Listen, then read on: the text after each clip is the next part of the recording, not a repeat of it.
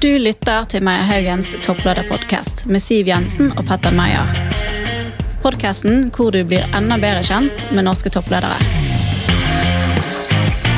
Det er mye lettere, i hvert fall, hvis du går på en oppgave med energi og lyst, og du syns det er veldig gøy. Eh, spesielt sånn som for min del, som har både jobba i business, men vært i politikk, men også i dag leder noen store frivillige organisasjoner, da, eller liksom andre typer organisasjoner. Du må like det. Du kan ikke si ja til noen oppgaver som du på en måte ikke har sjela di med. Det går ikke. For at energien den kommer jo når du har det gøy sjøl, når det er noe du brenner for. Mitt navn er Petter Meyer, og jeg er managing partner i rekrutteringsselskapet Meierhaugen. Siv, i dag har vi en ny topplederpodkast og en ny spennende gjest. Ja, det skal være helt sikkert. Eh, I dag så har vi en grepa dame som både har politisk erfaring Jeg har sittet i regjering sammen med henne. Eh, Men eh, vi har invitert henne først og fremst fordi hun er en meget erfaren styreleder. Eh, Nå er hun styreleder i både Statkraft og Vår Energy. Og det er altså Toril Vidvei. Velkommen. Takk skal du ha. Og Si- Siv og jeg diskuterte hva skal vi prate med deg om. Den lista ble så lang. Men vi skal selvfølgelig prate med deg om topplederskap. Men så er det to temaer også vi har lyst til å høre litt om. Det er selvfølgelig energi, som har blitt et kanskje litt dessverre nok et veldig viktig tema i Norge og Europa. Og så er dette med forholdet mellom styreleder og styre og administrerende. Det er liksom, kan være et litt sånn uh, minefelt å gå inn i, men det skal vi altså gjøre. Men uh, hvis vi da skal bli bedre kjent med deg, da kan ikke du si litt om uh, Har du en har du en liten fun fact om deg selv? Altså, jeg er en voksen dame. Jeg har eh, mange års erfaring i styrearbeid, også som styreleder. Eh, I løpet av de siste 20 årene så har jeg faktisk eh, vært styreleder i veldig mange forskjellige typer selskaper. Alt fra private selskaper til børsnoterte selskaper. Eh, og har en bred erfaring politisk. Gjennom stort sett halve livet så har jeg også vært inn og ut av politikken. Kanskje litt utradisjonelt i forhold til veldig mange andre. Fordi jeg har ikke hatt en sånn, en kommet inn på Stortinget og så blitt værende der. Jeg hoppa av etter to perioder. Flytta til utlandet, ble henta hjem igjen i Bondevik II-regjeringen. Eh, har vært innom fire forskjellige departementer. Så har godt, god erfaring også fra politisk arbeid. Spennende, det gleder vi til å prate litt om. det der, med Kan du være leder for hva som helst? Det er jo et tema vi liker å prate om. Eh, og så er det det er også sånn, hva gjør du når du ikke har alle disse styrevervene og jobber? Hva er liksom den private siden av deg? Jeg elsker å gå på ski. Eh, og gå i fjellet. Hun er god til å gå på ski, skjønner du. Går fra Jeg deg, har gått, jeg har gått på ski med Toril, og du skal stå på litt for å henge med. Ja. Ja. Ja, jeg liker, jeg liker veldig godt å gå på ski. Det passet veldig fint under koronapandemien at jeg fikk anledning til å gå masse på ski. Så, men ellers så liker jeg veldig mye kulturaktiviteter. Eh, Jeg har eh, sunget i kor, jeg har dirigert kor. Yes. eh, Spiller litt piano og gitar for venner og familie. Og eh, ja, jeg prøver å ha et hyggelig liv. Det tror jeg er viktig. Du, å ha et hyggelig liv, det er liksom Det jeg hørte deg si, var at det, den største hevnen du kan gjøre overfor de du ikke liker, det er å ha et godt liv. Jeg tror det at, eh, jeg tenker veldig mye på det at den dagen du forlater denne verden, så må du på en måte gjøre det sånn at eh, folk eh, ler og tenker på alle de morsomme opplevelsene de har hatt i sammen med deg, istedenfor at man eh, syns det er leit og trist og tenker, i hvert fall ikke tenker at nå er det godt at hun har gått bort. Jeg tenker det er fornuftig å ha en, et godt forhold til folka rundt meg. Og det er kanskje noe av det beste jeg lærte i politikken. Jeg kom jo inn på Stortinget i 1989. og Jeg har vært eh, fylkespolitiker og lokalpolitiker. Og, og jeg tenker det er alltid noe å lære av alle andre. Og min mentor i politikken var jo tidligere kommunalminister Arne Rettedal. Det var jo han som plukka meg til eh, i politikken i Rogaland. Og han, eh, han lærte meg noe veldig viktig. Han sa det at det fine med demokratiet er at det er flertallet som bestemmer. Så du må alltid sørge for å få flertall for det du holder på med. Og min erfaring er jo at det er jo veldig sjelden at et parti alene har flertall, så du må lære deg å kompromisse, finne på løsninger, være resultatorientert og tenke på at eh, verden går fremover. Det stopper ikke opp. Så det syns jeg er veldig viktig. Dette skal vi komme mer tilbake til. Men vi har en liten føljetong som heter Tre kjappe. Og om det er så kjapt å svare på det, vet jeg ikke helt, men de tre spørsmålene vi har tenkt å stille deg, da, er at eh, hva gjør du når du skal ta et vanskelig valg? hvor det står om noe som er, har betydning kanskje for andre enn deg selv. Så det er punkt nummer én. Punkt nummer to er hva du har sagt hvis du møtte Vladimir Putin. Uh, og nummer tre, har du en populærkulturell referanse, enten film, TV-serie eller bok, som du har lyst til at andre også skal få gleden av å få greie på? da? På det første spørsmålet. men du, men du, ikke svar nå. Jeg skjønner du er ivrig. Ja, jeg er veldig ivrig. Jeg vi, vi, venter, vi venter til Jeg brenner spesielt inne med spørsmål nummer to. Men, men ha det litt i bakhodet i løpet av podkastsendingen. Ja, ja. mm. Men eh, Statkraft, Siv? Ja. Nå, um, Statkraft er jo det ene selskapet du er styreleder i. Du er jo blitt ganske erfaren. Mm. Men nå står jo vi midt inne i masse samfunnsdebatt om fremtidens energimarked. Mm. Hva skjer? Folk er urolige, får høye strømregninger. Så hører vi jo alle nyhetssendingene om mangel på kraft, mangel på energi. Hvordan ser dere, eller du da, med, med begge disse styrehattene dine på, hvordan ser du på energimarkedet fremover? Ja, så Norge er jo veldig heldig, da, for vi har jo vært eh, så heldige og funnet mye olje og gass. og Det er nå den ene sida. Så vi har jo levert, vært en eh, sikker leverandør i mange tiår. På den andre sida har vi jo også hatt et utrolig sterkt utbygd kraftsystem med vannkraften i Norge. Som er kanskje det mest stabile man har i realiteten. Hvis du sammenligner i fall med vind og sol, som er mye avhengig av at det blåser, og at sola skinner, eller at det er lyst.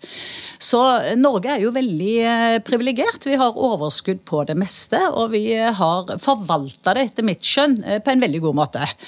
Eh, men det er klart det at det er veldig mange steder i verden man ikke har energi. Så det, dette er jo ikke noe nytt at det er behov for enda mer energi. Men det nye er jo det at det har kommet flere kriser oppå hverandre. Og grunnen, Jeg vil ikke si at vi kanskje har en energikrise i Norge, men vi har kanskje en priskrise. Det er det folk føler nå, at de vil betale altfor mye for strømmen. Vanskelig å forstå når vi produserer strøm sjøl, osv. osv. Men den krisen som oppleves i, ikke minst i Europa, det er jo eh, pga. Eh, krigen i Ukraina, som jo har nå bidratt til at eh, plutselig så har det stoppa 40% av gassleveransen til deler av Europa, spesielt Tyskland, kommer jo gjennom eh, Nord Stream 1 og 2 fra Russland. Og det er klart klart at når det blir stopp over natta, så er det ingen som kan følge det i løpet av kort tid. Mm. Så det vil være en enormt behov eh, for enda mer kraft. Og hvis du da tar med en tilleggskrise, og det er jo klimakrisen som vi opplever Det er jo vanvittig med tørke i Europa. Altså Jeg har reist rundt omkring i Europa i høst, også nå nylig. Det er tørke, altså de klarer ikke å produsere maten som de, eh, man har forventninger til. Drar du til Italia og ser på olivenproduksjonen, så er det jo veldig mange bønder som ikke nå får til å få ut den eh, gode liven som vi alle også så sårt trenger. Så, så, du ser det på flere eh, fronter at de, den krisen blir stor. Og det har noen katastrofale følger. Fordi du får eh, flyktningkriser. Du får folk som mister jobbene sine. Når strømmen blir for stor, så har man ikke råd til å drive disse butikkene lenger, eller de mm. bedriftene som er der. Og det er klart at Alle disse kombinasjonene oppå hverandre det bidrar til at det er et veldig vanskelig situasjon i Europa. Og så har vi en, en, priskrise i Norge. Men Det der vil jeg spørre deg litt mer om. fordi det er klart at Norge som stat tjener jo masse penger på at vi nå er blitt den foretrukne gassleverandøren til Europa. Mm. Eh, og det er mulig å forstå, men jeg tror det mange mennesker sliter med å forstå, er at når vi er en så stor produsent av fornybar kraft, vannkraft, som mm. Statkraft er et liksom, bærende eksempel på, mm. hvorfor i alle dager har prisene på fornybar energi gått rett til himmels? Jo, Det er jo fordi at det er et manko på prisene. så det, Når tilbudet blir ikke er tilfredsstillende nok, så, jo, så, øker prisene. Dette vet vi jo. Og så kan du se at Vi er jo en del av det europeiske markedet. Vi er en del av det nordiske markedet. Det har vi vært i mange år, siden liberaliseringen kom på slutten av, eh, eller på 90-tallet. I begynnelsen på 90-tallet. Og, og, Det har jo også vært til vår fordel, for det, det har jo vært perioder hvor det også er tørke i Norge. Når jeg ble olje- og energiminister i 2004, så var det etter en krise i 2003, hvor vi også hadde veldig tørre somre, lite vann i magasinene. Og eh, når jeg da ble olje- og energiminister, så, så endra det seg igjen. Ikke pga. at jeg var der, men pga. at det begynte å regne igjen, og at vi fikk fylt opp magasinene våre. Så i sånne perioder, og også gjennom året, så importerer også mer kraft. Vi er også avhengig av å være i et marked, for å si det sånn. Men det, en, det eneste løsningen på alt dette, det er jo å produsere mer. Mm. Og det er den gode nyheten. For jeg tenker, jeg er veldig stolt eh, over å være styreleder for Europas største fornybarselskap for det er det faktisk Statkraft er.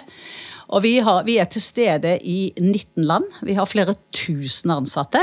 Og verden skriker etter mer fornybar energi. Når jeg kom inn som styreleder for seks år siden, så bestemte vi oss for Da tok vi tak i eh, strategien for selskapet og bestemte oss for at vi også skulle bli store på vind og på sol.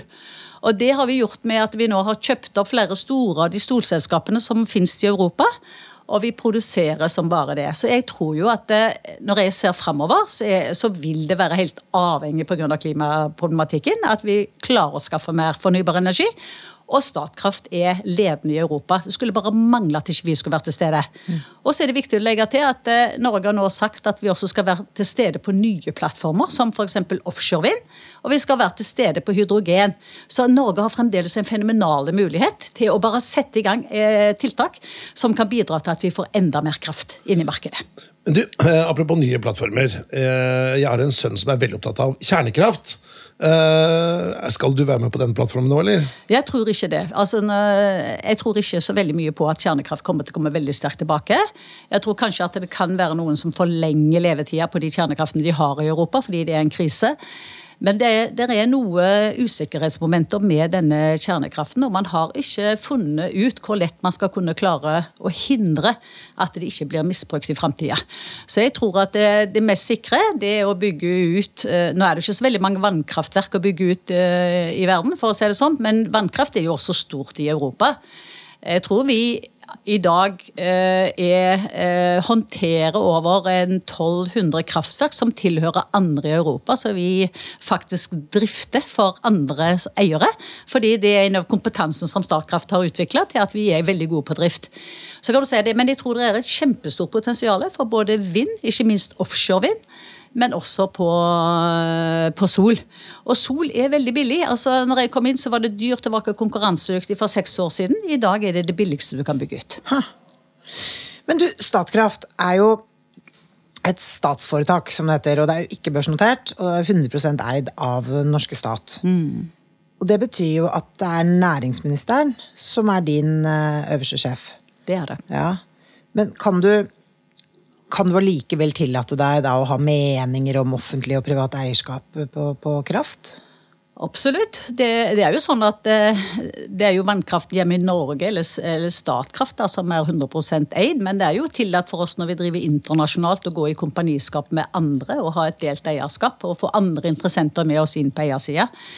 Eh, og så er det opp til mer sittende regjering og storting å bestemme om det er flertall i, eh, i den forsamlingene som vil eh, eventuelt løse opp i det. Mm. Jeg forholder meg til det, til det som eieren har beslutta.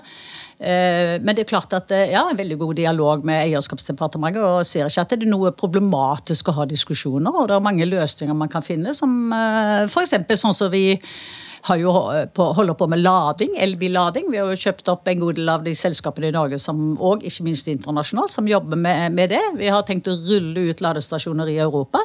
Det selskapet har vi mål om at vi skal børsnotere. Det er et datterselskap. Vi børsnoterer i løpet av kanskje neste år. Så at det er mulighetsspenn innenfor de forskjellige områdene som også vi jobber med. Men når dere da, du som styreleder i Statkraft, eh, reiser rundt i Europa og, og vurderer å kjøpe opp eller inngå partnerskap med private selskaper, møter dere på skepsis da i, i at du på en måte representerer et selskap som er 100% eid av norsk stat? Nei, i grunnen ikke så har vi ikke opplevd det. Nå er det veldig mye altså det, er, er også en del av de områdene som jeg har vært veldig opptatt av. At vi ikke skal være til stede i hele verden, men at vi skal konsentrere oss om noen få områder. Og veldig sterkt til stede i Europa. Det er veldig viktig, for det er vårt nærområde. Og så er vi til stede i eh, Sør-Amerika, og så er vi til stede i India. Og det er klart at jeg opplever ikke det, snarere tvert imot. Jeg syns det er en styrke at staten i Norge har en interesse i å være med og bygge ut. Og så må vi måle det opp imot de avkastningskravene som vi har, og kunne levere det, og vi må tjene penger. Jeg kan ikke liksom gå inn og engasjere oss i prosjekter som ikke er lønnsomme. Det er jo noe av det som jeg har et avkastningskrav som jeg skal levere på, og det må alltid ligge i bunnen. Men dette med statlig eierskap, jeg, liksom, jeg har ikke lyst til å slippe det helt ennå. for Vi pratet jo litt om dette før sending, eh, Siv og jeg. da, og da sa vi at det har vært liksom den en Vinden blåser i retning at staten skal eie infrastruktur, spesielt på kraft. Men det er jo ikke noe logikk i det. Altså, eller, du kan selvfølgelig forsvare argumentet, men, men hvorfor kan ikke private gjøre det? med at man regulerer det gjennom lov og avtaler og konsesjoner? Altså, Mat produseres ofte av private. Det er jo mange ting som vi trenger hver dag, som produseres av private. Men hvorfor akkurat kraft skal det eies av staten heleid? Det bør vi absolutt ikke gjøre. Altså, det er jo mm, flere eksempler ute i verden eh, hvor det eies også av private. Det kan være delprivatisert osv. osv. Vi hadde jo et eksempel med det med gamle Statoil. Når det ble etablert, så var det 100% eid av staten, og det ble privatisert. Og jeg var faktisk den som solgte oss ned under Bondevik II-regjeringen. Nå er vi olje- og energiminister. Så det an, eh, det er det som er viktig. Det er jo det at du må styre gjennom konsesjoner og gjennom reguleringer og lover. Og det er ikke mulig å flytte et eh, kraftverk for å si det forsiktig. Mm. Som at det skulle vært privatisert, så, så, er jo ikke det som eh, kommer til å bli. Det er jo mul muligheter for å styre det på annet sett og vis. Og det er jo da eksempler på oss i Norge, da. Det er jo ikke alle selskapene som er 100% eid av det offentlige. Mm. Men hvis vi da skal gå litt over til dette med styreledelse, mm. det er jo ting også vi er veldig interessert med deg, da, men um, hvordan er det å være styreleder for et såpass uh, viktig uh, selskap som Statkraft? da? Det er jo det er veldig krevende. Jeg bruker veldig mye tid på det. Det å være styreleder både for Statkraft, men også for Vår Energy det krever veldig mye. Så det er jo nesten fulltidsjobb med å ha det. Og så begge deler er fulltidsjobb, eller er de sum? Nei, til sammen, ja. Så jeg bruker jo veldig mye tid på det. Både ja. fordi at du, du, må sette deg inn i mange ting. Du må jobbe med ledelsen i selskapet. Du må jobbe med eierne. Du må jobbe med uh, Det ene er jo et børsnotert selskap, så da har du enda flere eiere som du må ha kontakt med. Du må oppdatere det, du må øh, være ute og representere, delta på en del konferanser, på en del møter osv. osv. Så, videre, og så, så det tar mye tid. Men det er jo, jeg har alltid engasjert meg og likt energispørsmål. Du får energi av det, si? Ja, ja, du får veldig mye energi av det, for å være veldig ærlig. Etter at jeg gikk av som olje- og energiminister, så bestemte meg for at det, Eh, var jo i 2005, og da ble det jo denne ASA-loven med at det skal være 40 av hvert kjønn, som trådte i kraft fra 1.1 i 2006. Så jeg fikk jo liksom 50 forespørsler over matta med å kunne gå inn i energirelaterte bedrifter da, i styret. Og jeg bestemte meg for at det punkt én, det liker jeg. Punkt to, det kan jeg faktisk veldig mye om. Mm. Så jeg holder meg til det, og sa nei takk til å gå inn f.eks. i styrer i bank og forsikring eh, med den kompetansen som f.eks. Siv har. Så jeg tror det er veldig et godt råd for de som skal engasjere seg i, eh, på styrenivå. Du må like det du skal holde på med, og så må du føle at du har noe å bidra med. Men jeg er jo styreleder i Meyer Haugen, som tross alt uh, har denne podkasten. Eh, og det å være styreleder stiller jo noen krav til deg. Eh, og man kommer jo av og til i, i Kan i hvert fall oppleve situasjoner hvor man får utfordringer med, med administrerende direktør eller med andre som er fulltidsansatt i et selskap. Nei! Føl, ta dette ikke personlig, Petter. Men, men liksom, hvordan, hvordan håndterer du sånne situasjoner når og hvis de oppstår? Ja, jeg tror For det første så må du være ærlig med de medarbeiderne du jobber sammen med. Du må ikke ha noen annen agenda altså en second agenda. Du må tenke på bedriften sin, uh, sine fordeler og bedriften sin fremtid. Uh, og så tror jeg du må være Det er mange ganger at jeg må ha noen runder med meg sjøl når du møter problemer i de uh, styrene du sitter i. Og da tror jeg det er liksom å tenke godt igjennom at du uh, har noen å diskutere det med, være åpen. Det tror jeg er utrolig avgjørende. Altså Jeg sitter jo også som styreleder i en del Eh, veldig hyggelige ting, som f.eks. Festspillene i Bergen. Mm. Eh, ikke minst Antidoping Norge. Det er jo ikke helt problemfritt mm. å sitte i sånne type styrer heller. Det er mange problemer som ramler på bordet ditt, som du må ta stilling til daglig. Og Da tror jeg at eh, det å være rolig avbalansert, tenke godt igjennom hva du gjør. og være ærlig. Det tror jeg er noen av de viktigste tingene som eh, du bør ha når du skal stå i stormer. Det at du tør å stå der og tenke godt igjennom, det er noe av det viktigste fra min erfaring i livet. da. At du ikke mister hodet. Det høres veldig klokt ut, men, men, men det er jo også sånn? Det er mange som tenker at oi, styreleder i Statkraft, ja, for det er ikke sant, stort og mektig og veldig mye ansvar. Men det er jo faktisk sånn i forhold til loven at det å påta seg styreansvar, enten man er styreleder eller styremedlem, er like beinhardt ansvar enten du er i Statkraft eller du er i en eh, liten idrettsforening. Ja, Det er jo mange stakeholders, og det, eh, erfaringen det er jo f.eks. sånn som i Antidoping Norge.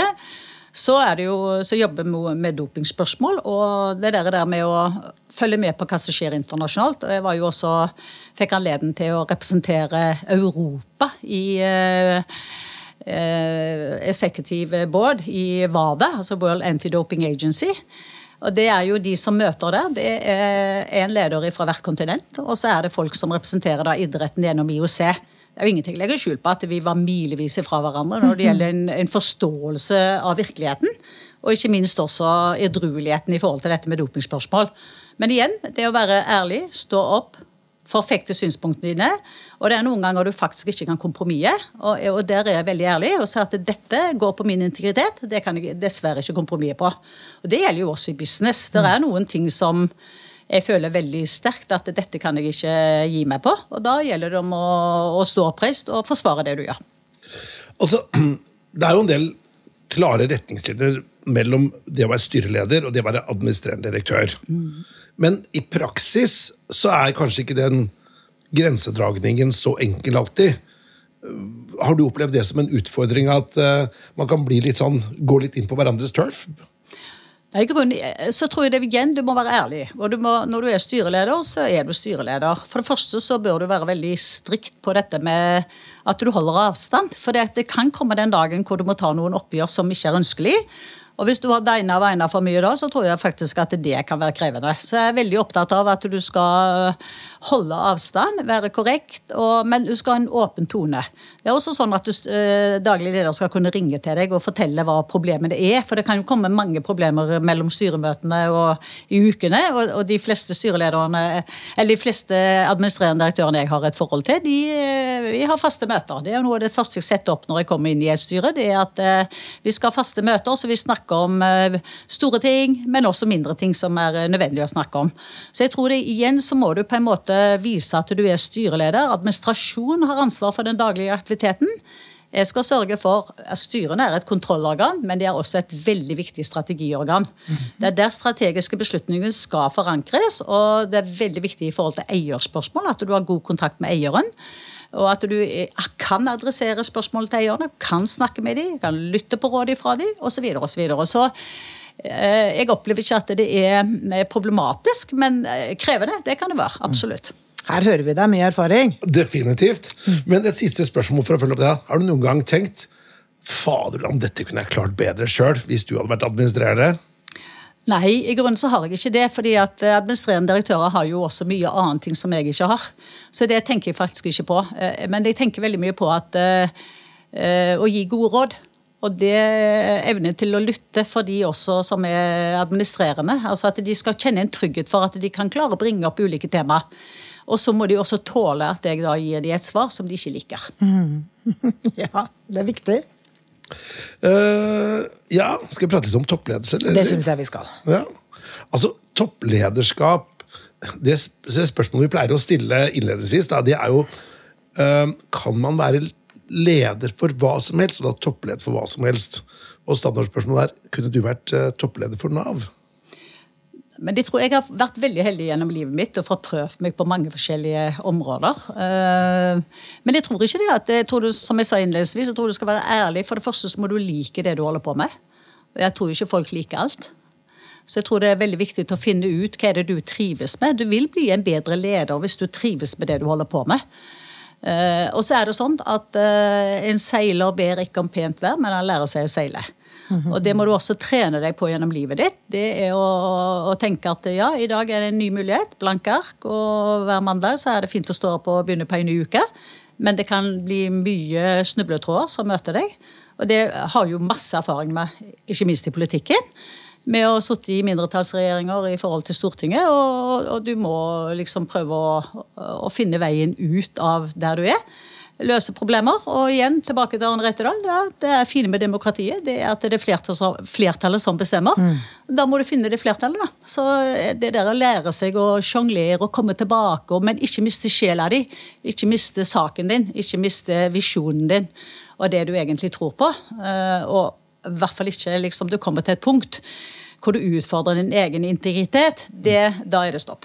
Så det du egentlig sier er at ja, man kan jo i teorien lede mye forskjellig, men man bør velge de tingene som ligger ens hjerte nær, eller hvor man har Det er mye lettere, i hvert fall. Ja. Hvis du går på en oppgave med energi og lyst, og du syns det er veldig gøy.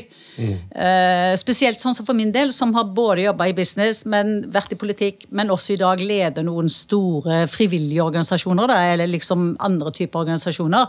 Du må like det. Mm. Du kan ikke si ja til noen oppgaver som du på en måte ikke har sjela di med. Det går ikke. For at energien den kommer jo når du har det gøy sjøl, når det er noe du brenner for. Og det syns jo på andre. Ja, ja. ja. Men vi, vi, hadde jo Erna Solberg her for noen podkaster siden, mm. og da stilte vi det spørsmålet for liksom, dere som har vært statsråder.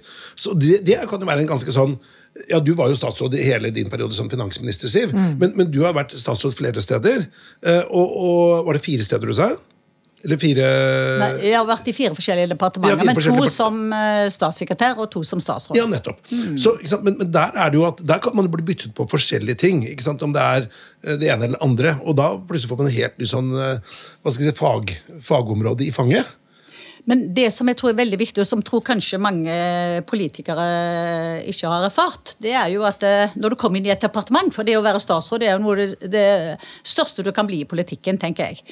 Og, eh, for da får du effektuere den politikken du tror på. Når du sitter i Stortinget, så er det jo liksom mye men Det er ikke nødvendigvis at du har flertall der og kan påvirke så mye, men i, som regjering så kan du effektuere politikken. Punkt nummer én så må du vite hva du vil. Det tror jeg er veldig mange som ikke vet eh, hva de vil når de kommer inn. De har en plattform, men den plattformen er ofte i sånne runde formuleringer, og mye kompromisser som ligger der. Men det å effektuere det, det er utrolig viktig. Og da må du jo liksom stole på det embetsverket som du har, for de står jo der klar på trappa hver morgen og venter på at du skal gi signaler. Så du må styre, du må lede, du må vite hvor du vil hen, du må fatte beslutninger, du må stå i de. Mm. Og det kan være tøft mange ganger. Altså, som kulturminister så fikk jo jeg eh, så ørene flagra titt og ofte. Men du må ikke miste veien av syne for det, for å si det sånn. Mm. Du, Uh, dette er jo et rekrutteringsselskap, da, og vi er jo veldig passionate når det gjelder rekruttering. Og du har sikkert rekruttert veldig mye folk rundt deg. Hva er viktig for deg når du skal ha den, hva skal dine nærmeste på jobb? Hvordan, eh, hvordan, velger du da? Så Det som er viktig, det er f.eks. sånn i energibransjen i dag, så er det veldig stor tilgang på folk. Eh, det er veldig mange kompetente folk. Jeg er veldig opptatt av at det er de som er administrerende direktører, som skal rekruttere konsernledelse osv., at de tør å å supplere ledelsen med andre kvaliteter enn det de har sjøl. Mm. Eh, min erfaring er jo det at det, eh, det, du kan, det kjenner du deg veldig trygg på. Men jeg har alltid vært interessert i å komme i kontakt med mennesker som kan noe annet enn meg sjøl. Mm. For da lærer jeg noe. Det hjelper meg til å gå framover og ikke stå i stampe.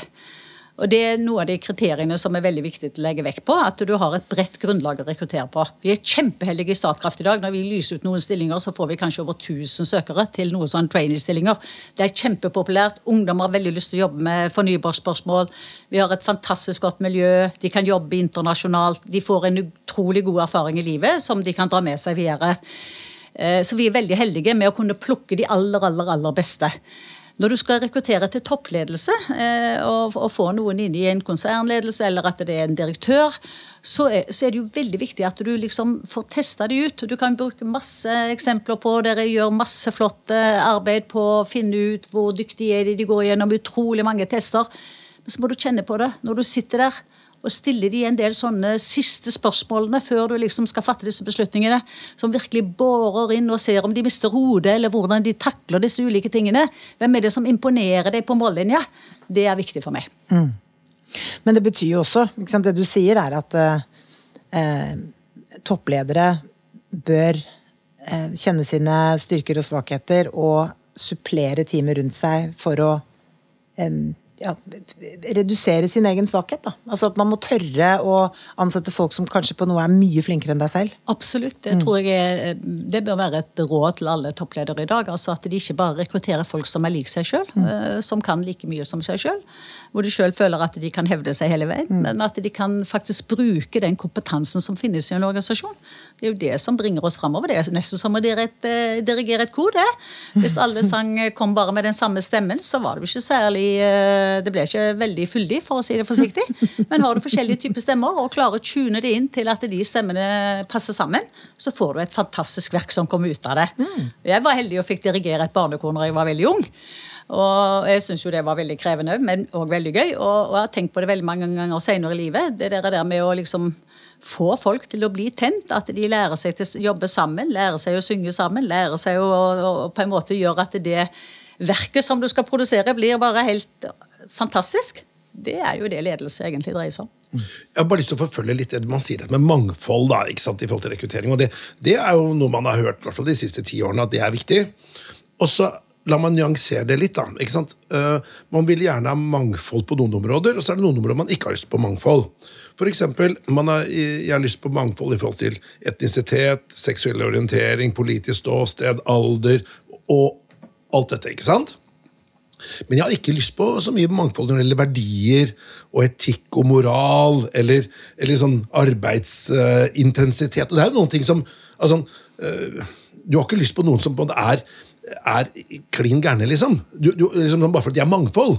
Altså, Det må jo være noe er mangfold, noe ikke. Hva tenker du rundt det? Nei, men, men øh, Når det gjelder etikk og moral, så bare se hvordan ting har endra seg i løpet av de siste ti årene. Så er det klart at eh, det er jo en leders viktigste oppgave. Da. Det er jo liksom Når bedriften vedtar et etisk regelverk eller en, en, verdiplattform som man står på, så er det jo ikke sånn at noen kan unntas fra å tro på den plattformen. Eh, og argumentere med at det er, et, det er viktig å ha et mangfold. Det er, det er, ikke det det dreier seg om. Jeg tenker Det at det viktigste da, det er jo at ledelsen jobber for at folk eh, har det samme verdigrunnlaget. Og da må de som ikke tror på det, da må de finne seg en annen jobb å, å jobbe med. Mm. Ja, ja. Og jeg er helt enig. Så på det er noen grunnleggende verdispørsmål og visjon mm. eh, og kultur så ønsker man ikke mangfold. Men alt annet så ønsker man mangfold. Ja, så kan jeg si i politikken. altså Det, det er veldig, veldig mange veier til rom. ikke sant? Men ofte så søker en jo sammen eh, i et verdifellesskap. altså Det som er bare grunn grunntanken da, bak mm. både det som de konservative står for, eller det som de sosialistiske partiene står for. Og Mange ganger så kan de finne sammen i helt pragmatiske samarbeid om, om noen konkrete vedtak. Men hvis du skal jobbe over lang tid for å endre samfunnet, da er det veldig vanskelig å kompromisse eh, mellom det som f.eks. Eh, en del sosialistiske partier står for, og det en del av de konservative partiene står for. Men nå er det vel sånn at både for så vidt i politikken, men også i, i mange bedrifter, selv om man har det samme verdisynet og verdigrunnlaget, så oppstår det jo fra tid til annen konflikter og utfordringer hvor man rett og slett ikke vil trekke i samme retning. da. Absolutt masse. og det er det, Men det er blitt mye mer eh, håndterbare verktøy. Vi har jo compliance-avdelinger som er ganske store i de ulike bedriftene jeg jobber med. Og det er, jo, det er, jo, ikke sånn at det ikke finnes noen issues, for å si det sånn, men de må også løses. Mm. Og corporate governance er ikke minst viktig del, i hvert fall tenker jeg i forhold til styre. Hva skal styre og styreleder ha ansvar for? Og um, administrerende direktør, ledergruppe og alt dette, da? Absolutt, og dette må man jobbe med hele tida. Du kan masse kurser, du kan ta mange, invitere børsen din, børsen har klare anbefalinger på dette her. Eh, de ulike advokatfirmaene jobber med det hele tida, så her er det jo bare å og, og, og, spesielt når du jobber i selskaper som har ulike eh, nasjonale forankringer, da, eller internasjonale representanter så er det jo en mye større utfordring å jobbe for at vi, vi tror på det samme. Mm. Du, Siste spørsmål her. Eh, når tid skjønte du selv at du kom til å bli toppleder? Nei, Det tror jeg det er veldig vanskelig å si, men jeg har alltid likt å lede. Jeg har følt meg alltid eh, liksom, Jeg har likt å jobbe sammen med folk. Uh, og så har vel veien blitt til mens du går. Det er jo ofte sånn med de fleste av oss at uh, uh, vi får en del oppgaver i fanget, og så må du løse de, og da tror jeg det er noen grunnleggende i hvert fall behov som jeg ble kjent med underveis i min ledelses utvikling, og det at du erkjenner at det er noe ikke du kan, og da må du søke kunnskap og erfaring hos de som kan. Må du stole på det. eh, Og du må også jobbe med de rundt deg, sånn at du har en, eh, et felles grunnlag og plattform å jobbe på. Og ikke tro at du kan fikse alt sjøl. Det er det verste lederen jeg vet. Det er noen som bare tror de har monopol på sannheten, for den, det tror jeg ikke noen har. Nei. Det er vel de verste partiene vi vet om også, de som tror at man har monopol på sannheten og løsningen. Er det ikke sånn? Og siden jeg står her med to tidligere politikere. Nei, men jeg tror ingen partier tror det. Altså, tror alle... Det kan høres litt sånn ut. Ja, men det er fordi man er overbevist om det man står for. Men jeg, tror noe av det som er bra med, med det norske demokratiet, det er jo at vi eh, på tvers av partigrensene så stiller jo alle med det samme engasjementet. Man har bare litt ulikt syn på hva som er løsningen på problemet.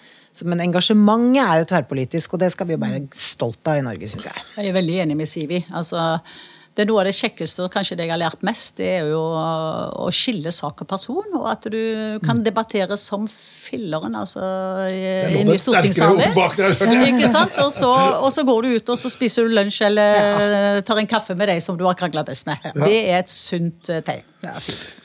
Du, nå har jeg lyst til å bli bedre kjent med deg som person. Ja. Er du klar for det? Ja. uh, kan ikke du by litt på hvem er du som person?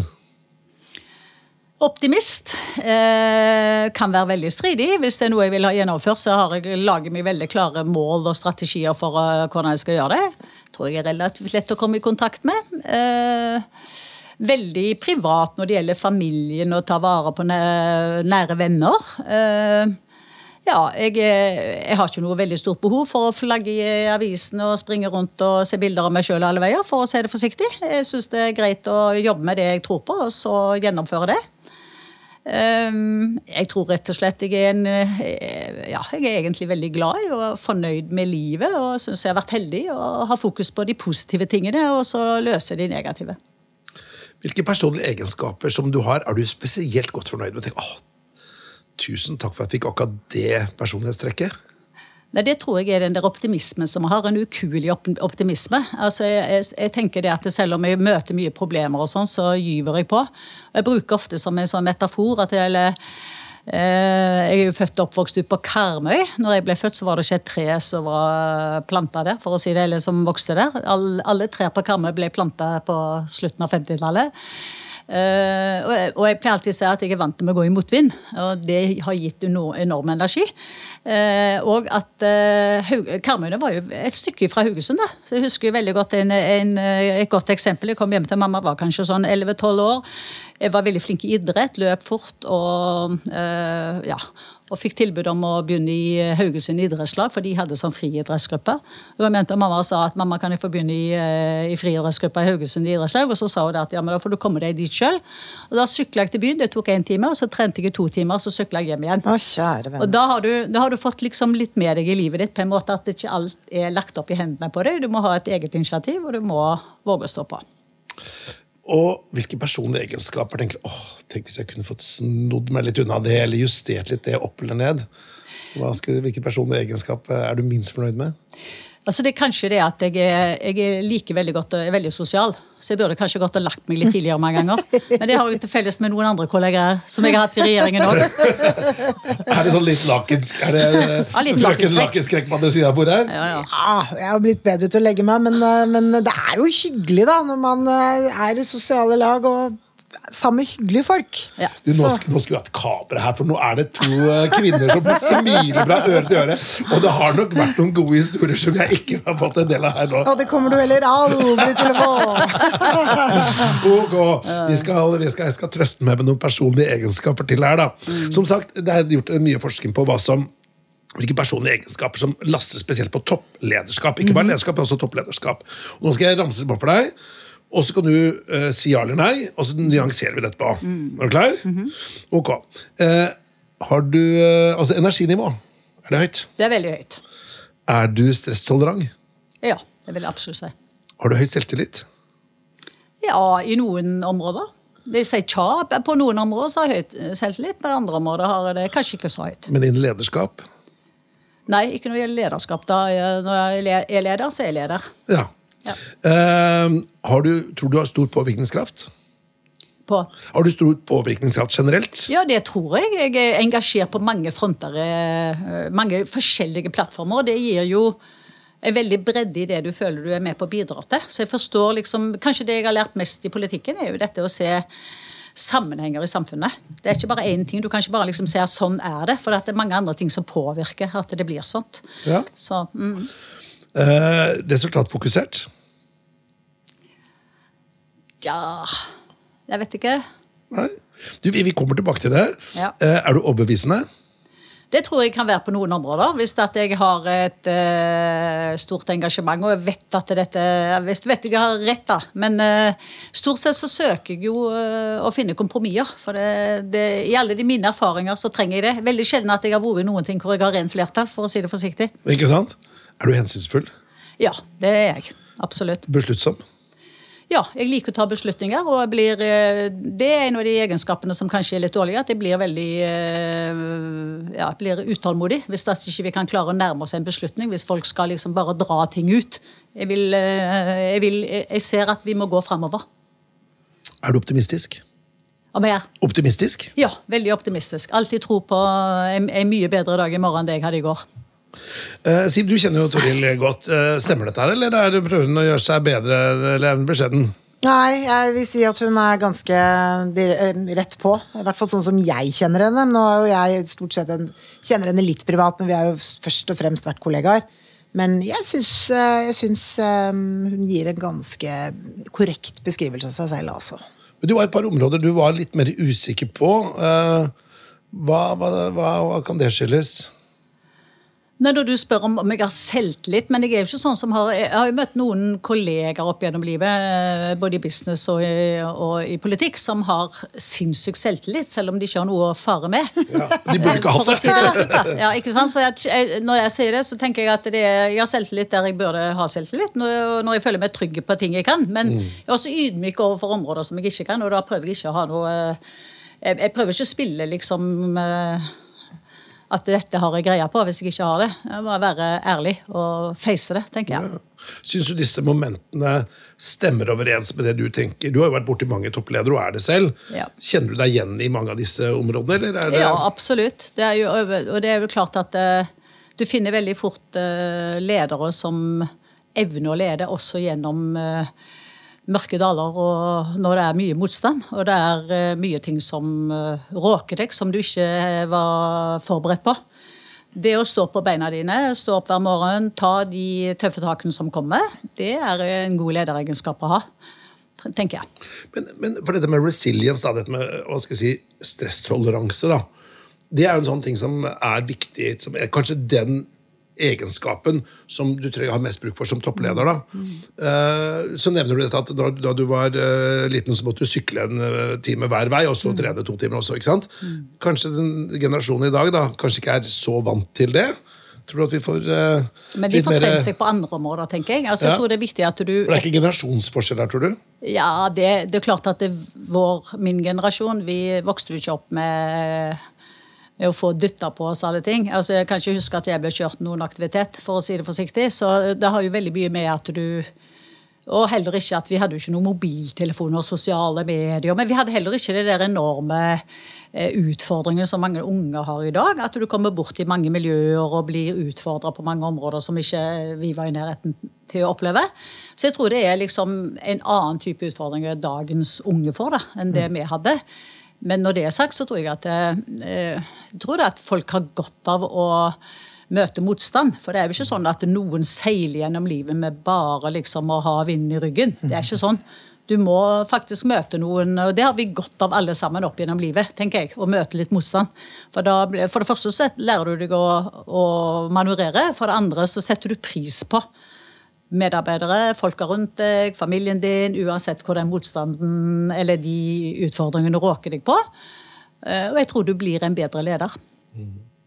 Siv, mm. det jeg gleder meg alltid når du søker svar. ja, altså Jeg syns jo vi har fått veldig mange eh, gode, kloke svar. Men det er én ting jeg har lyst til å bore litt mer i. Mm -hmm. Og det er dette med energiunderskuddet som Det kan liksom virke som det liksom plutselig har oppstått. Um, og det har de jo ikke. Og så høres det ut som hvert fall noen politikere litt sånn komfortabelt legger all skylda på krigen i Ukraina. Men det er jo bare en liten del av helheten. Altså, hvordan har kraftnasjonen Norge klart å stille seg i en situasjon hvor vi plutselig opplever ikke bare litt underskudd på kraft, men ganske stort underskudd på kraft, og priser som går rett til himmels. Dette er jo ting som jeg tror oppleves som veldig fremmed for store deler av den norske befolkning det må jo skyldes noen valg som politikerne og andre har tatt, eller valg de har latt være å ta. Mm. Jo, det vil jeg gjerne utfordre deg litt mer på. Jo da, men det er jeg for så vidt enig med deg i. og det, altså det, Rundt 2000-tallet så ble man jo enige om at man ikke skulle bygge ut større kraftverk i Norge. Eh, det har jo bestemt seg, altså Den store kraftverkstiden var forbi. Det har klart det har hatt eh, stor betydning, det, for det, vi har nå bare de kraftverkene vi har.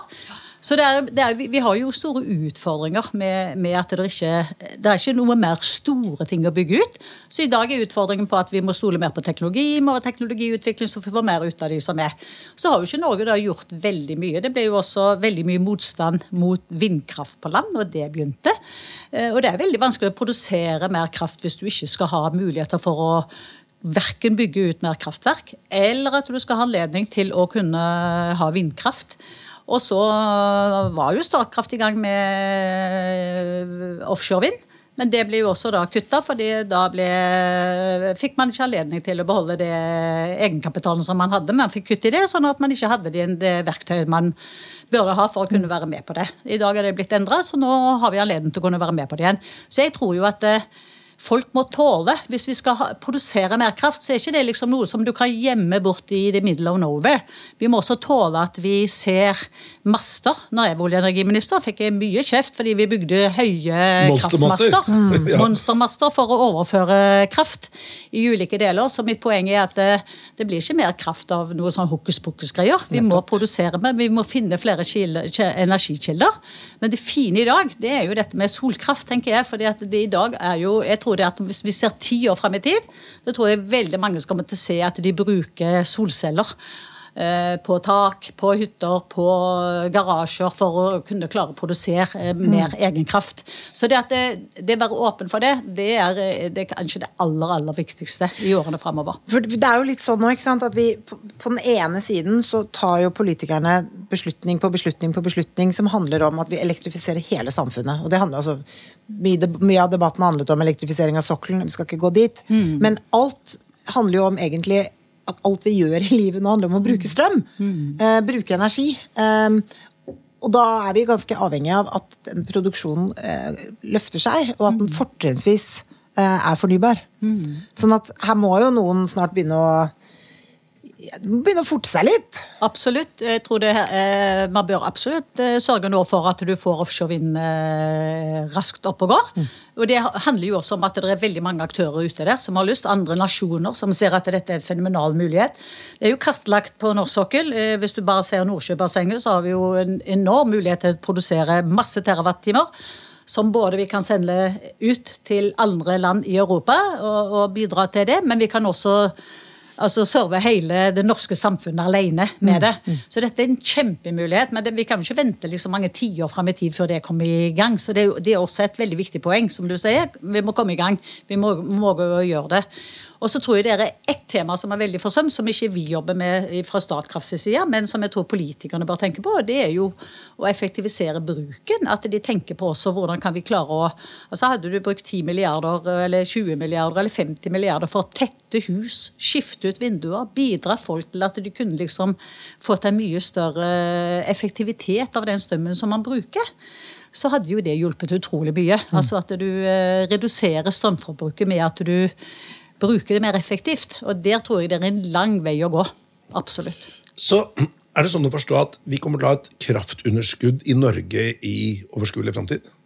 Altså I dag har vi jo et eh, vi, må importere enkelte ganger på kraft, så jeg tror at det vil komme til å fortsette også. Men den dagen vi har bygd ut med offshore vind, hvis vi bygger ut optimalt på den mulighetene som er der ute, og i hvert fall det vi eh, foreløpig tror at det er lønnsomt å få til, så er det klart at vi vil være mye sikrere. Men, men det, det, vil jo ta mange år. Så, så, det jeg lurer på er Vil vi da som vanlige folk i gata i Norge til neste vinter og neste vinter og neste vinter, la oss si fem, seks eller ti år, ha høye, gjennomgående høye strømpriser og mangel på energi i Norge. Er det din spådom? Jeg får ikke håpe at det varer i fem til ti år. Det er jo ingenting å legge skjul på at eh, Vi så trenden veldig tidlig, før krigen brøt ut, at det begynte når gassreduksjonen til Europa kom. Når Putin begynte å redusere gassen til Europa, så så vi at prisene steg i Europa, for å si det sånn. Altså, det var åpenbart at det begynte å skje. Så det, dette med økte prisene på strøm, det skjedde før egentlig Eh, altså fordi det ble en eh, reduksjon av, av eh, kraft i, eh, i Europa, for å si det sånn. Så det er ingenting å legge skjul på at krigen i Ukraina har en eh, medvirkende årsak. Altså Klarer vi nå å kompensere for alt dette her? Men det skjer jo ikke over natta. Norge har ikke noe veldig mye gass å produsere, eh, i hvert fall ikke akkurat i dag. Ja, kanskje litt mer til neste år, men det er jo ikke liksom, vi klarer ikke å dekke det store behovet som det egentlig den russiske gassen har representert da, fra, gjennom eh, Nord Stream. ikke sant? Og Der tror jeg at det, det er viktig å tenke på. Da må vi tenke på alternativ. Hva kan vi bygge ut? Hva kan Europa gjøre enda mer for å bygge ut enda mer kraft? Hvordan kan vi være sikre på at vi også effektiviserer bruken av den kraften som vi har? Så det du egentlig sier, sant? Nå må politikerne manne seg opp, og så må de fatte alle disse beslutningene, og så må folk skjønne at de beslutningene må tas hvis vi skal eh, få energiprisene ned i overskuelig fremtid. Så vi må tåle at ikke alt er like vakkert rundt oss. Eh, og så må politikerne skjære gjennom, ta beslutningene. Jo før, jo bedre. Rett og slett fordi det tar tid fra en beslutning blir tatt, til dette er bygget og vi kan leve av mm. energien. Og jeg er veldig tilhenger for at vi må opprettholde eh, et felles eh, energimarked med våre naboer i nord. Altså i, de nordiske landene, men også i Europa for øvrig. Eh, Det vil være veldig slitsomt for oss at hvis vi eh, hvert tiende år da, skulle på en måte være en total krise på et tørrår i Norge, for å si det sånn, da blir vi sittende her og måtte slokke lyset. Det er ikke noe alternativ. Du, dette kunne vi prata mye om, men jeg tenkte vi skulle gå over til dette vi kaller de tre kjappe. Og da er det da tre spørsmål vi stilte innledningsvis til podkasten, og som vi har lyst til å eh, komme igjen til nå, da. Og første spørsmål var når du skal ta et vanskelig valg, et skikkelig vanskelig valg, som også har konsekvenser for andre personer, hvordan går du fram da? For det første så må du danne deg en oversikt over hva problemet er. At du vet hva som har forårsaka denne krisen, da, eller det problemet som må løses. Så må du finne ut eh, hvilke alternative muligheter du har for å løse det. Hva er løsningen? Det er jo ikke sikkert at det bare finnes én løsning. Kan finne flere løsninger. Lytte på gode råd, skaffe deg kompetanse og ekspertise på, for å finne svaret. Og så må du våge å stå i den beslutningen når du har tatt den. Du kan ikke springe og gjemme deg, for om du får 100 telefoner fra media, om de jager deg hver dag i månedsvis, så må du våge å stå der. Det tror jeg er det viktigste. Og det er vel kanskje det jeg følte med det eksempelet med dette med å ha gått i motvind hele livet. Da. Du må tåle å stå i de stormene som kommer. Selv om du da skjønner at du har tatt kanskje et galt valg, da, og så blir du jagd fra skanse til skanse, og så må du stå i det da, eller skal du da begynne å budge litt? Altså, jeg tror du må gjøre et veldig godt forarbeid, så du unngår å gjøre de feil valgene. Også hvis du er så uheldig i livet ditt at du kommer til å ha gjort noe som i hvert fall har fått katastrofale følger, og det er åpenbart at det er feil, så må du også være ydmyk overfor det og innrømme det. Men da bør du ta hatten din og gå selv, da. Ja. Bra. Det er knallharde, knallharde situasjoner her. Ok, eh, Apropos knallharde situasjoner. Eh, Vladimir Putin, hva hadde du sagt til han hvis du møtte han? Jeg er veldig usikker på om det nyttig å snakke så mye med han i dag, men jeg har faktisk møtt Putin. Jeg møtte han nå i olje- og energiminister. Um, På det tidspunktet så var det jo alle lederne i Europa og verden for øvrig ville jo snakke med han. Eh, Mitt inntrykk var jo den gangen at han var utrolig kompetent. Han visste hva han snakka om. Vi var fire stykker. Jeg var med daværende statsminister Kjell Magne Bondevik og meg til, eh, til eh, Moskva og, og hadde møte med han. Og vi hadde med oss en tolk og ambassadøren. På motsatt side så var de 25. Det var bare Putin som snakka. Og han hadde detaljert informasjon og kunnskap om energisektoren som jeg aldri har møtt med noen statsledere før, for å si det forsiktig. Altså han, eh, han visste nøyaktig om hvor stor kapasitet vi hadde i alle våre rørledninger langs hele kysten. Han visste nøyaktig hvem som feeda det inn av de ulike selskapene, og han visste også når ti kontraktene gikk ut. Det har jeg aldri opplevd før. Eh, underveis i samtalen så trekte han fram et kart over hele dette området. Så det var den gang Statoil sitt eh, kart over dette her. Eh, som et dokumentasjon på det han sa. Eh, I tillegg så var det jo budskapet hans var veldig klart. Han ville jo at vi skulle bygge disse ledningene videre oppover i eh, Norskehavet, helt opp til eh, russiske grenser opp i nord. For eh, at han da hadde en visjon om at de skulle levere gassen fra Stokman ned til gjennom vårt pipelinesystem. Han var veldig morsom. Han drev og tøysa mye med Kjell Magne Bondevik. Og ja, han var en, en, en spesiell type, vil jeg si. Um, jeg tror det at det farligste du kan gjøre med ledere som uh, ikke søker råd, det er å isolere dem. Så jeg tror at han har uh, det, eller det er mange ting som bærer preg av det nå. I hvert fall At han er veldig mye alene og søker lite råd hos folk som kunne gitt han de beste rådene. Men det han holder på med nå, det bærer ikke noe godt sted hen, for å si det forsiktig. Så hva ville jeg tror jeg hadde vært veldig tydelig hvis jeg hadde fått anledning til å møte Ja, du hadde vært tydelig, ja. Det, ja, det tror jeg. Det, tror jeg. det er jeg ganske sikker på at du hadde vært. men at, at Putin er så morsom, det er en ny side. Nå har jeg aldri møtt han, jeg, men at han er så veldig morsom, det, det har liksom ikke kommet så mye fram. Jeg husker jo, men Han var morsom. Han, eh, for det første husker jeg ga han, eh, Kjell Magne Bondevik en bamseklem når han kom. og det er bare liksom, Jeg tenkte wow, hva er dette for noe? liksom, ikke sant? Og Jeg tror ikke Kjell Magne var veldig happy med det, men det får han svare for sjøl. Men eh, for det andre så, så, fortalte han liksom Han prøvde å sette oss ut av spill med å tøyse litt innledningsvis. Og, så han var egentlig, han var egentlig ganske ovenpå den gangen, da, som vi sier hjemme. liksom, Og var litt morsom. Han gjorde ikke som han gjorde med Angela Merkel, å slippe inn bikkjene. da, for at han vet at Angela Merkel ja, ja. var veldig redd hunder. Jeg tror det, Han driver liksom litt og ja, er, trekker i. liksom. En gang KGB, alltid KGB, er det ikke det de sier? Ja, ja, Ok, Dette var litt interessant, da. Men du, eh, Jeg har lyst til å prate litt om det her med noen populærkulturelle referanser. Er det en film eller en bok eller en TV-serie du vil anbefale lytterne våre å uh, se litt nærmere på? Veldig mange flotte filmer og, og, bøker og alt, men jeg er veldig glad i dikt. Ja. Og en av mine veldig store diktere, det er jo min hjembys, altså Kolbein Falkeid fra Haugesund, som har skrevet utrolig mange flotte dikt. Eh, det er mange flotte folk som skriver dikt, for å si det sånn, så vi har veldig mange i Norge. Men, men Kolbein Falkeid har veldig mange som også kjente, bl.a. Tirna Noir, som Vamp synger. Og de har eh, veldig mange flotte dikt som gir mye inspirasjon og glede til ettertanke. Du, Kolbein Falkeid, eh, skal vi gi en ekstra sjanse nå, Siv? Definitivt. Så er det bare å begynne å lese dikt. Definitivt. Mm -hmm. Du, Jeg tenkte vi skulle gå inn for landing nå, men utrolig hyggelig å ha deg i studio. Og veldig lærerikt. Altså, Dette er jo favorittsysselen min, eh, å spille en podkast med, med, deg og Siv. Så dette kunne jeg gjort hele dagen. men... Eh, lykke til videre med den viktige jobben du gjør eh, videre. altså. Så det må jeg si. Der er de heldige som har en sånn styreleder av ditt format. Tusen takk skal du ha. Du har lyttet til rekrutteringsselskapet Maja Haugens topplederpodkast. Vi produserer også Rekrutteringsrådet og Jobbsøker. Du finner oss der du lytter til podkast. Har du forslag til gjester, gå inn på vår Facebook-side Maja Haugen.